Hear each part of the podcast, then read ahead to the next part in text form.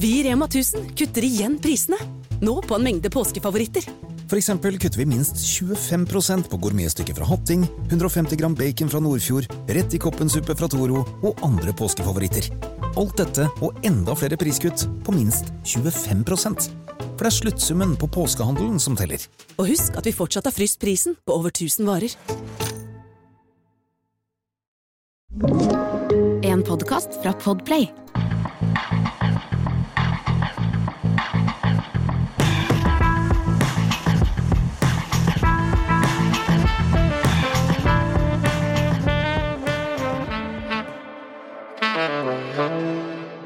Velkommen, kommentator Harald Stanghelle. I Aftenposten i dag så skriver du at eh, Benjamin Netanyahu og hans eh, regjering rett og slett er en trussel mot eh, palestinerne. Ja, det er han. Fordi at han ønsker ikke noe annen løsning enn det som er en fullstendig kapitulasjon for den drømmen og den ideen og det politiske målet om en tostatsløsning som palestinerne har klynga seg til som et håp, sjøl i de vanskeligste tidene, og sjøl om færre og færre tror at det blir en realitet. Midtøsten er en region du kjenner godt, du har jobbet mye der som journalist, men hva var det første du Ditt første møte med Midtøsten, hva var det? ja, eh, det var påska 1977. Da var jeg på pilegrimstur sammen med far min. Han var indremisjonsmann for Vestlandet, og han hadde ett stort ønske eh, å få oppleve Midtøsten, eller få oppleve Israel. Eh, for eh, han var en bibeltru indremisjonsmann. Eh, og så to år seinere så verva jeg meg til FN-styrken i Libanon, og var da i Sør-Libanon i, i eh, et, rundt et år. Ja, jeg gjorde det samme omtrent ti år senere. Da var jeg der som eh, presseoffiser. Um, når du har reist i, i, dette, i denne regionen, har, du noen gang trodd at Israel og israelerne og palestinerne på et eller annet tidspunkt ville finne en eller annen form for løsning på konflikten eh, mellom dem? Ja, jeg trodde det rundt eh, Oslo-avtalens dager. Eh, altså for 30 år siden, eh, i, i, september i, i eh, 1993. Da trodde jeg nok at det var laga ikke en avtale, men et slags veikart eh, fram mot det som kunne bli noe. Men der tok jeg jo grundig feil, eh, og det går jo an å stille spørsmål om eh, israelerne egentlig var modent for dette kan diskutere om palestinerne også var det, men det som i hvert fall snudde det fullstendig, det var jo at eh, høyresida ved Benjamin Netanyahu vant valget i 1996, og etter det så var det ikke snakk om Eh, og, og, få virkeliggjort den drømmen som, som eh, var om en tostatsløsning. Oslo-avtalen hadde jo sponsorer og, og, tilretteleggere som amerikanerne, russerne, EU var med på dette her. Så det var jo eh, store krefter i sving for å få til dette her, og alle ville gjerne ha litt av æren, fordi det så jo ut til å kunne gå riktig vei.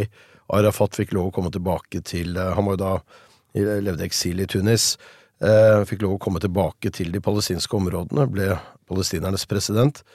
Eh, og Yitzhak Rabin var villig til å gi avkall på de områdene hvor det bodde jødiske bosettere.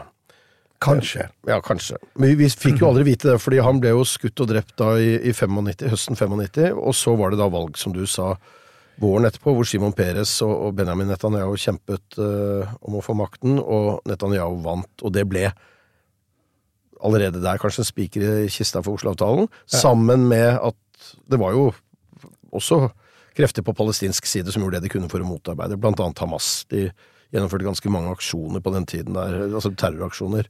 Det var flere grupper som gjennomførte terroraksjoner. Eh, det store skiftet var jo at eh, så lenge eh, Rabin og Peres var statsministre, så sa de at vi skal holde fram denne prosessen til tross for terroraksjonene. Terroren skal ikke ha en vetorett over prosessen, Mens etter at eh, Benjamin Netanyahu kom til makta, så ble det stikk motsatt. Da ble det sagt at vi må stoppe prosessen på grunn av terroraksjonene. Så du kan si at holdninga, grunnholdninga, ble helt annerledes. Og det er helt logisk, fordi at eh, det en kan kalle for høyresionismen, eh, som Begin, Shamir, begge statsministre sto for, eh, de ønska overhodet ikke ei løsning som gjorde at det ble en tostat. Og eh, Shamir eh, sa jo seinere, etter den såkalte Madrid-prosessen i 1991, så sa jo han at, at ok, vi lot oss presse av amerikaneren til å møte ved forhandlingsbordet, men det gjaldt egentlig å bare legge en strategi eh, for å, å å få en utsettelse så lenge at det ikke ble noe aktuelt. Mm. Parallelt med, eller i etterkant av Madrid-prosessen, så begynte jo Oslo-prosessen i det stille, og så ble jo den kjent i 93, vel? Ja, det var jo også fordi at i Madrid-prosessen og nå kan en jo i og for seg tegne et stort bilde, fordi at det var under den første Gulfkrigen, eh, da president Bush eh, senior hadde lovt sine arabiske allierte, og de var det ganske mange av Syria blant annet var med. Syria var med, eh, Saudi-Arabia var med. Eh, at hvis eh, de var med, og når krigen var vunnet, så forplikta han seg til å gå inn i forhandlinger med palestinerne. Men PLO var utelukket fra de forhandlingene. Det var straffbart f.eks. For, for en israeler å snakke eller ha kontakt med et medlem av PLO. Som da var en terrororganisasjon både med vestlige øyne, stort sett, og i hvert fall med amerikanske og israelske øyne. Ja, i hvert fall med amerikanske og israelske øyne. Eh, jeg tror nok at f.eks. i Norden og i store deler av Vest-Europa eh, så hadde en et mye mer nyansert bilde av PLO når vi kommer så langt som 1991. Eh, Gro Brundtland traff første gang Yasser Arafat i Stockholm i 1983. Og jeg tror kanskje at det store hamskiftet i synet kom med Libanon-krigen i 1992, da Beirut ble bomba, og ikke minst eh, massakren i Sabra Shatila i september 1982. Men hvis en skal gå tilbake igjen til fredsprosessen, så var Madrid-prosessen eh, eh en, en, prosess uten eh, palestinernes egentlige representanter. Samtidig så visste alle at de hadde stor innflytelse på hva som skjedde i de palestinske områdene. Og det fundamentalt nye med Oslo-prosessen, det var jo at en for første gang snakka med PLO. Mm. La oss gå til 7. oktober i fjor. Um, da ble Israel angrepet på en ganske overraskende brutal måte. Uh, hvis vi ser på antall drepte, så tror jeg kanskje også Hamas-ledelsen var overrasket over Eh, hvor vel gjennomført det da kanskje var med deres øyne, eh, denne aksjonen var mot israelerne. Vi skjønte jo alle at dette bød på en katastrofe.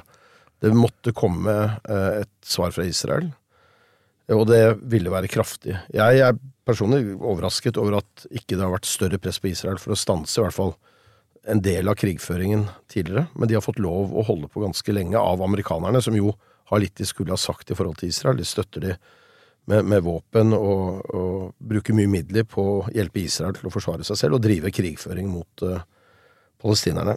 Hva tenkte du når du så og forsto hva angrepet 7. oktober eh, var? At dette var noe fundamentalt nytt. At eh, du har jobba i Midtøsten i opptil flere tiår. Jeg har jobba med Midtøsten, og delvis i Midtøsten, eh, lenger eller ikke å tenke tilbake på. Eh, og jeg skjønte at dette var noe fundamentalt nytt. Og jeg tror at hvis en skal eh, prøve å forstå eller forklare den israelske holdninga nå, ja, så må en tilbake til det at eh, svært mange israelere i dag opplevde det som skjedde, som en eksistensiell trussel. Altså, hele, hele eh, tonen, hele grunntonen i Israel er jo at dette er en jødisk stat som skal være den trygge heimen for verdens eh, jøder. Går an til å utfordre det bildet, men det er det nasjonale sjølbildet. og så ryker grensene. Og det er noe annet eller to mann med selvmordsvester. Eh, det er altså i går sånne regulære Eh, styrker eh, fra Hamas eh, og, deres militære grein som går over grensene, myrder for fote, gir seg skyld i grove krigsforbrytelser. Og, og, og, vi skal være veldig oppbrakt over det som skjer i Gaza og med Gaza. Men eh, vi skal ikke glemme hvor grunnleggende dette er. Eh, dette er eh, Utøya eh, ganger 20. Eh, dette er eh, Twin Tower. altså dette er et nasjonalt skille. og jeg skjønner veldig godt det du sier om at du er overraska over at det ikke er sterkere reaksjoner fra USA, men jeg tror det er her du finner forklaringa. Dessuten er det sånn at amerikanerne kunne, hvis de ville, stoppa våpenhjelpa til Israel. Men president Biden kan ikke gjøre det i et eh, valgår. Eh, fordi at det vil ødelegge hans muligheter for gjenvalg i eh, november. Jeg ser jo enkelte republikanske senatorer, og, og, og også på høyresida i Israel, som snakker om at Biden svikta Israel eh, simpelthen ved å kritisere Netanyahu-regjeringa, og også, som nå eh, Anthony Blinken og andre utenriksministeren og andre er inne på, at de, de, eh, de sier at nå må det bli et taktskifte i krigen. Eh, de sivile eh, ofrene er altfor store, altfor mange.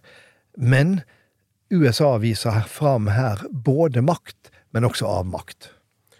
Det du egentlig sier nå, er jo at palestinske barn dør for at Biden skal eh, ha sjansen til å vinne valget. Eh, brutalt sagt så er det en del av historien, eh, men jeg, mitt inntrykk er jo at amerikanerne har stor sympati med Israel. Altså Da tenker jeg både, både det politiske lederskapet og, og også, også eh, amerikanere fleste ser du på målinger, selv om det er mye mer nyansert nå enn det var tidligere, spesielt i det demokratiske partiet. Samtidig så eh, finnes det en rekke eksempler på at eh, Joe Biden har eh, kritisert og holdt avstand til den eh, ytterliggående høyreregjeringa som nå er i Israel. Ehm, husk på at eh, det har vært vanlig i Israel gjennom flere tiår at en ny statsminister han reiser på visitt til Det hvite hus som nærmest en sånn del av, av innsettelsen. Netanyahu ble ikke invitert dit og møtte Biden først i eh, september, ni måneder etter at han, at han eh, tiltrådte. Hvis det er eh, Donald Trump som Biden skal kjempe om presidentskapet mot til, til høsten, vi får se, se, om en eller begge to av disse fortsatt står på stemmesedlene når vi kommer til november. Men så er det jo ingen tvil om at Donald Trump vil gjøre det han kan for å tydeliggjøre en eventuell splittelse som hadde vært der mellom Biden og, og israelerne. Definitivt, og det ser du allerede nå med en del republikanske senatorer som gjør det. Og hvis eh, Donald Trump eh, eh, vinner presidentvalget, Eh, og, og, igjen får nøkkelkortet til Det hvite hus, eh, så vil det bety en eh, fullstendig opphekking bak Netanyahu og bak Israel. Husk på at at i eh, Trumps presidenttid så eh, flytta de ambassaden, amerikanske ambassaden fra Tel Aviv til Jerusalem eh, uten å få noe politisk igjen for det. De godkjente den israelske anneksjonen av Golanhøydene. De var ingen kritikk av bosettingspolitikken på okkupert palestinsk land. Og det er ikke for ingenting at Donald Trump fikk oppkalt ei gate etter seg i, i Jerusalem. Eh, som takk for eh, innsatsen. Så, no, noen går faktisk rundt og har adresse i Donald Trump? Det er helt riktig. Donald Trumps uh, gate i Jerusalem. Og, og det, var, det, var, som sagt ikke for, for ingenting, uh, det. Sånn at eh, jeg tror dette er viktig å snakke om fordi at eh, eh, i Norge og i en del andre europeiske land så er eh, eh, støtten til palestinerne og det at en ser den blodige urettferda som de har vært utsatt for gjennom mange, mange tiår, den er liksom så klar, den er så opplagt. Eh, men sånn er det ikke i det amerikanske verdensbildet. Sjøl, som jeg sa, eh, så er det begynt å endre seg på demokratisk side, og det er begynt å endre seg når det gjelder liberale medier. Det har det for så vidt vært gjennom flere, flere eh, tiår en har sett det. Men det grunnleggende, eh, der er det, er det en støtte til Israel. Og så hvis jeg kan legge til det, er jo at Donald Trump, hvis han vinner valget i høst, så er det fordi eh, stemmene til de fundamentalistiske evangelikale kristne, eh, de står bak han. Og de ser dette inn i en bibelsk endetidskontekst. Eh, altså det som skjer med Israel, er oppfyllelsen av Guds løfte. Eh, og, og, og eh, det betyr at eh, her er det ikke snakk om politikk, men det er snakk om klassisk religiøs fanatisme. Jeg ser jo for øvrig at enkelte israelske kommentatorer de sier jo at står det opp til Benjamin Netanyahu, så vil han krige og krige og krige, i det minste til presidentvalget er avgjort. For han veit at hvis Trump vil det, så får han det mye mer som han vil, enn eh, hvis han må håndtere en, eh, en eh, Joe Biden som er gjenvalgt. Velkommen til Kjemperådet! Yes, Denne gangen har vi fått inn et kjempedilemma fra en familie. Okay. Jeg leser Hei, vi er litt uenige i familien her. Mm. Hvis du skulle vært et dyr, ville du hatt gjeller eller vinger? Oi, den er tricky. Ja, Hva ville dere hatt, da? Altså, jeg vet ikke, men Med familierabatt får de ubegrenset data fra Telenor fra 399 kroner. Da kan de jo scrolle seg til svaret, rett og slett. Ja, ok, Men for min del Ja. gjelder. Nei, nei. Nei. nei, vinger. Nei, nei, Ja, gjelder. ja, Kjempebra. Men eh, se nye mobilabonnement på telenor.no, da. Skal du pusse opp eller bygge noe nytt? Ikke kast bort tid på å lete etter håndverkere selv. Gå inn på mittanbud.no og lag en beskrivelse av jobben du ville ha gjort. Så mottar du tilbud fra flere erfarne håndverkere som du kan sammenligne. Med mange tilbud er du sikrere på at du velger riktig bedrift, og at jobben blir skikkelig utført. Mittanbud.no få jobben gjort.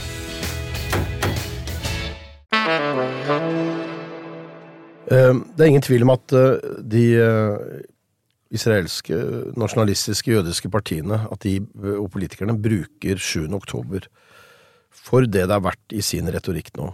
Eh, Vi ser at de eh, ønsker selvfølgelig da også å fortsette bosettingspolitikken med å bygge ut eh, Vestbredden, og det er jo allerede gjort på en slik måte at det er helt umulig i dag, i motsetning til for 30 år siden Oslo-avtalen lå der og man så for seg en tostatsløsning, så er det jo helt umulig å se for seg hvordan man skal klare å løse dette, med mindre israelerne rett og slett river de byene og bosettingene de har bygd opp, og det sitter langt inne. Um, hva tror du, hva tror du disse nasjonalistene ønsker?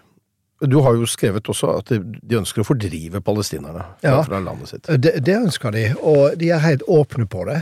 Eh, altså de ytterliggående nasjonalistene som Den store forskjellen fra tidligere og nå er jo at nå sitter disse i regjering. Eh, og de ønsker å fordrive palestinerne. De insisterer på at palestinerne allerede har en stat, nemlig Jordan. Eh, Så de ser for seg at det er der løsninga er, at, eh, at det hasjemittiske kongedømmet går under, og så at dette blir en palestinsk eh, stat. Og Ja, rundt halvparten av, um, av Jordans befolkning er vel palestinere? Absolutt, og eh, noe flere hvis du tar med eh, de som bor i flyktningleirer. Eh, og, og, og det er mange palestinere som har helt sentrale stillinger i både regjering og, og, eh, styringsverk eh, ellers, for å bruke et gammelmodig uttrykk. Eh, men det du ser, er jo at det er et ønske om en fordrivingspolitikk.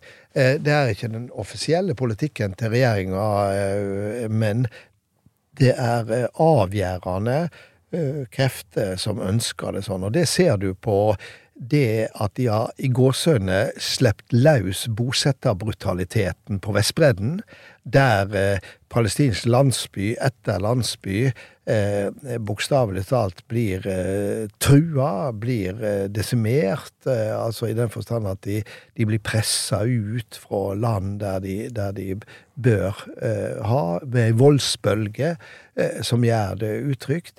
Men du ser det også i en del av planene eh, skal vi kalle det skisse eller forslag, eh, som en ser på hva som skal skje på Gaza. Det er snakk om såkalt humanitær emigrasjon. Eh, Hva betyr det? ja, Det betyr at eh, en skal prøve å finne land som er villige til å ta imot palestinere for f.eks. arbeid. Det har vært diskutert i arabiske land. Eh, The Times of Israels eh, hebraiske eh, publikasjon har sagt at det har vært kontakt mellom Netanyahu-regjeringa og enkelte afrikanske land. Kongo har vært nevnt. Dette blir benekta, og det er viktig å få fram, både av av regjeringa og av, av Kongo. Eh, men det vært, ble offentliggjort et notat i fjor høst som gikk på planer om å opprette eh, større palestinske i gåseøyne leire eller byer i Sinai, eh, på Sinai-halvøya. Eh, der de som nå bor i Gaza, kan, kan være. Dette sa jo Egypts president blankt nei til. Jordans statsminister har kalt det en krigserklæring hvis eh, palestinerne på Vestbredden blir fordrevet. Eh, men alt dette, og hva som er realisme, og hva som er eh, planer, hva som er konkret, hva som er ideer, det er jo helt umulig å vite. Men det som er mulig å vite, er at tankegangen til det mest ytterliggående eh, Høyre i Israel, det går i den retning.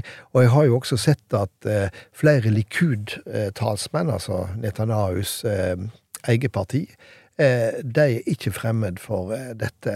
En av de eh, leder et råd på den nordlige delen av Vestbredden, i det israelerne eller disse kaller for Samaria, eh, med 35 ulovlige bosettinger. Og han har oppfordra eh, Netanyahu til å åpne for jødisk bosetting igjen på Gazastripa. Men de har jo ingen religiøs tilknytning til Gazastripen som, som de har på Vestbredden. Nei, men Gazastripa har en 5000 år lang historie. Det har vært et viktig knutepunkt. Eh, Det har vært eh, regjert og herja med av eh, den ene stormakt i Midtøsten etter det andre. Og de, en del av bosetterne, annet de som bodde der inntil 2007, var det vel, kanskje litt seinere, da de blir fjerna med makt, var vel 13 000 stykker eller noe sånt. Eh, de 2005 var det de Ja, 2005, ja. Eh, de, de eh, mener de har en historisk rett på dette, og at Gazastripa er en del av det, det historiske Israel.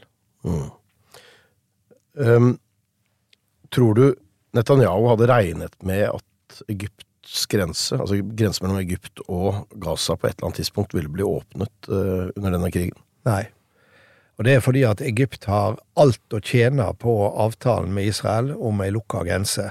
Eh, de har det å tjene på det at eh, de har et veldig godt forhold til USA.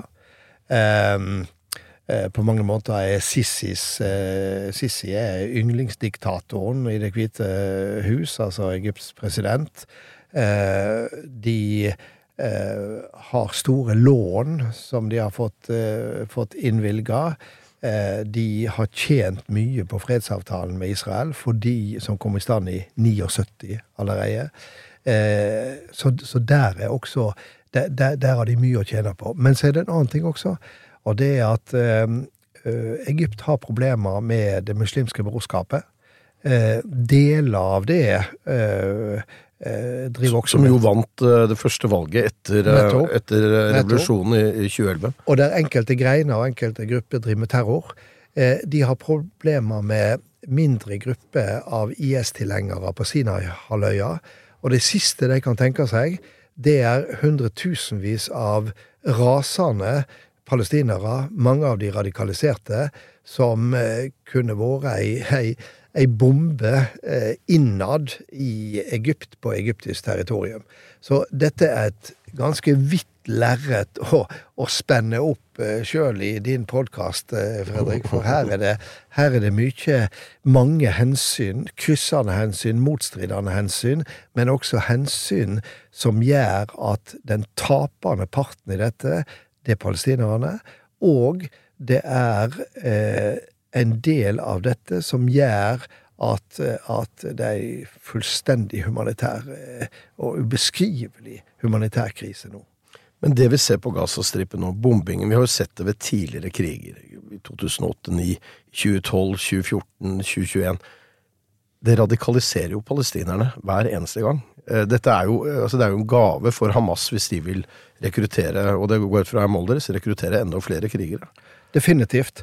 Og det ser du jo også på oppslutningen om Hamas eh, på Vestbredden, eh, der de tradisjonelt sett ikke har stått spesielt sterkt. Der der eh, Fatah-partiet, altså president Abbas sitt parti, og det som var PLO, gamle gamle PLO, har stått sterkt.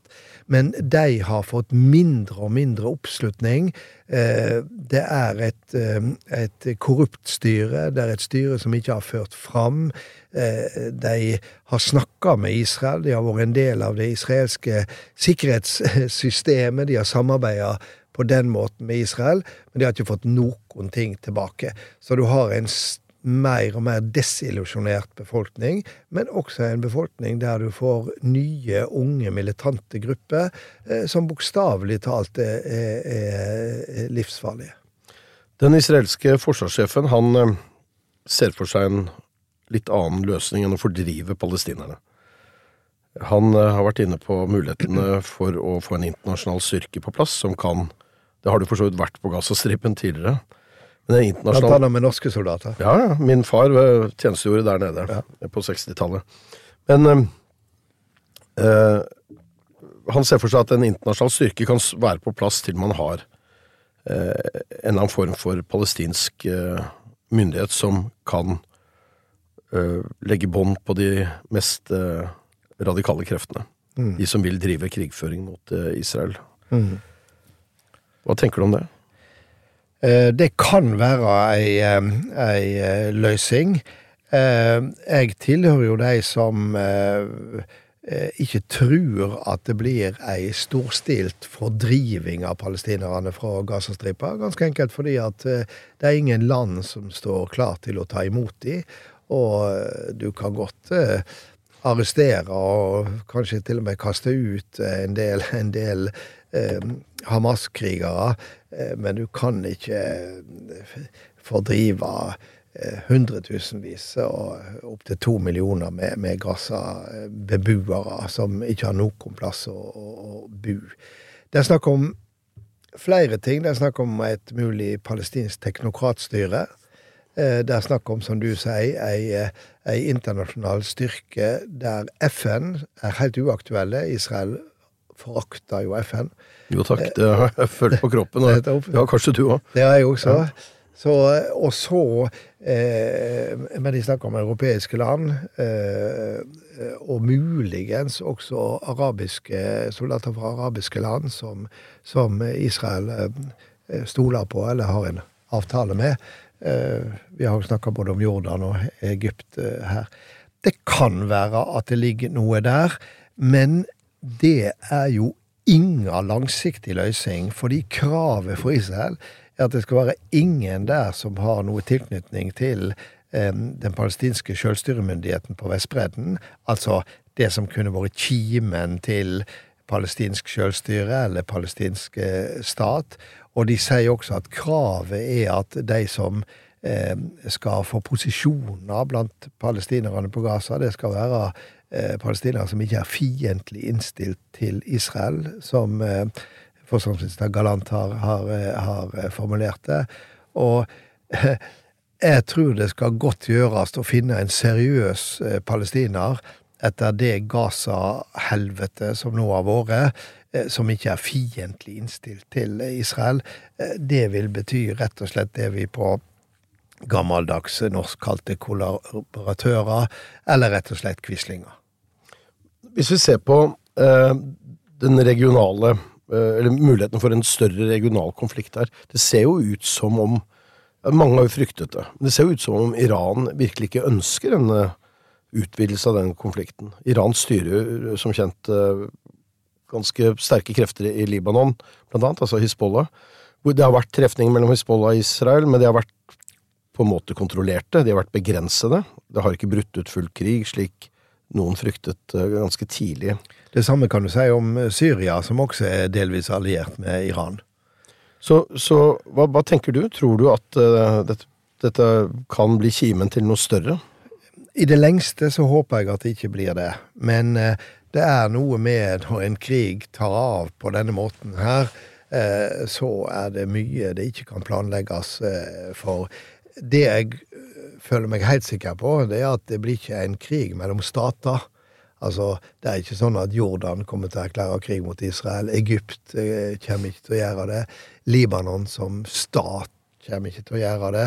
Eh, heller ikke Syria som stat. Men det som kan skje, er jo en såkalt eskalering eh, med at, eh, at eh, eh Israel blir pressa i nord. blir pressa i, i nordøst fra syrisk territorium. Og ikke minst tror jeg at de bør i Jerusalem være usedvanlig bekymra for det som skjer på Vestbredden.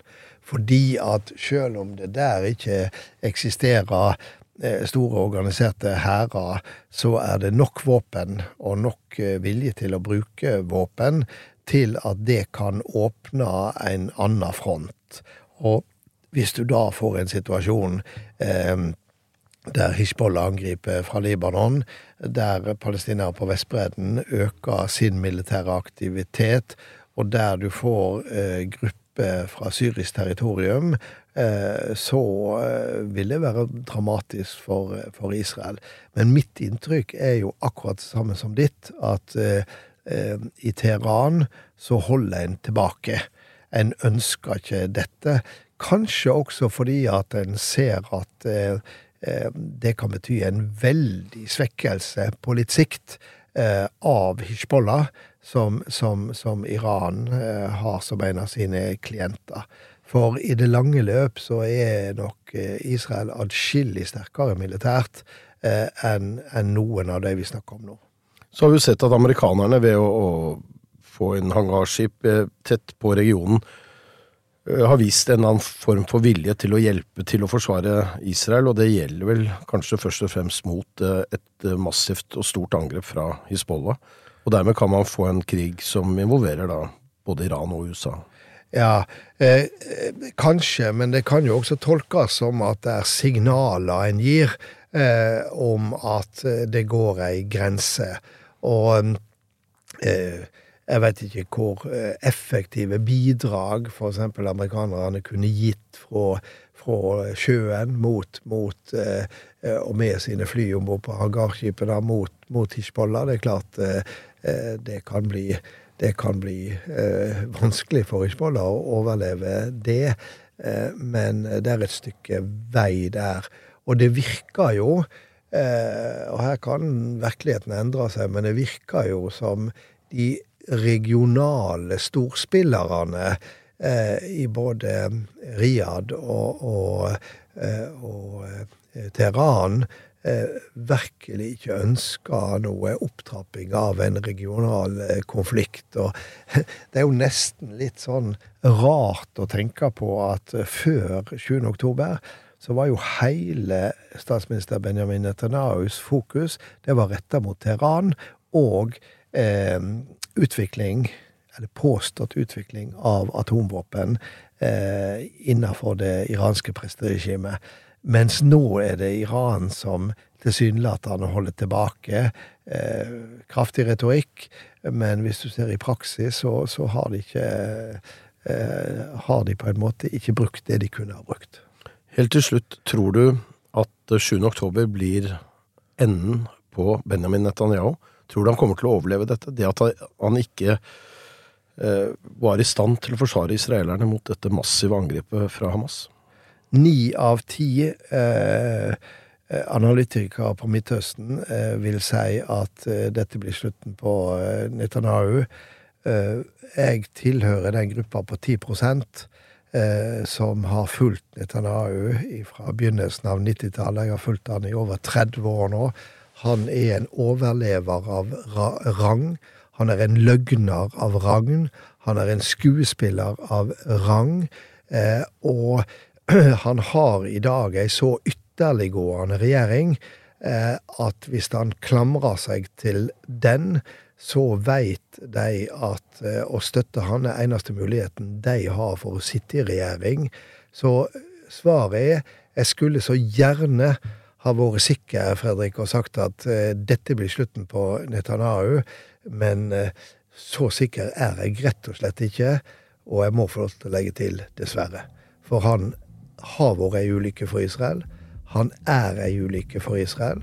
Og han er ei enda større ulykke for eh, alt som smaker av fredsprosess, og ikke minst for palestinerne, som hadde fortjent et bedre lederskap, både hos seg sjøl, men også i Jerusalem. Harald Stangere, takk for at du kom.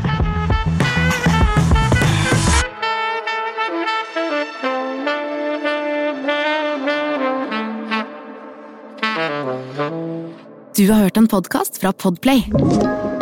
En enklere måte å høre podkast på. Last ned appen Podplay, eller se podplay.no.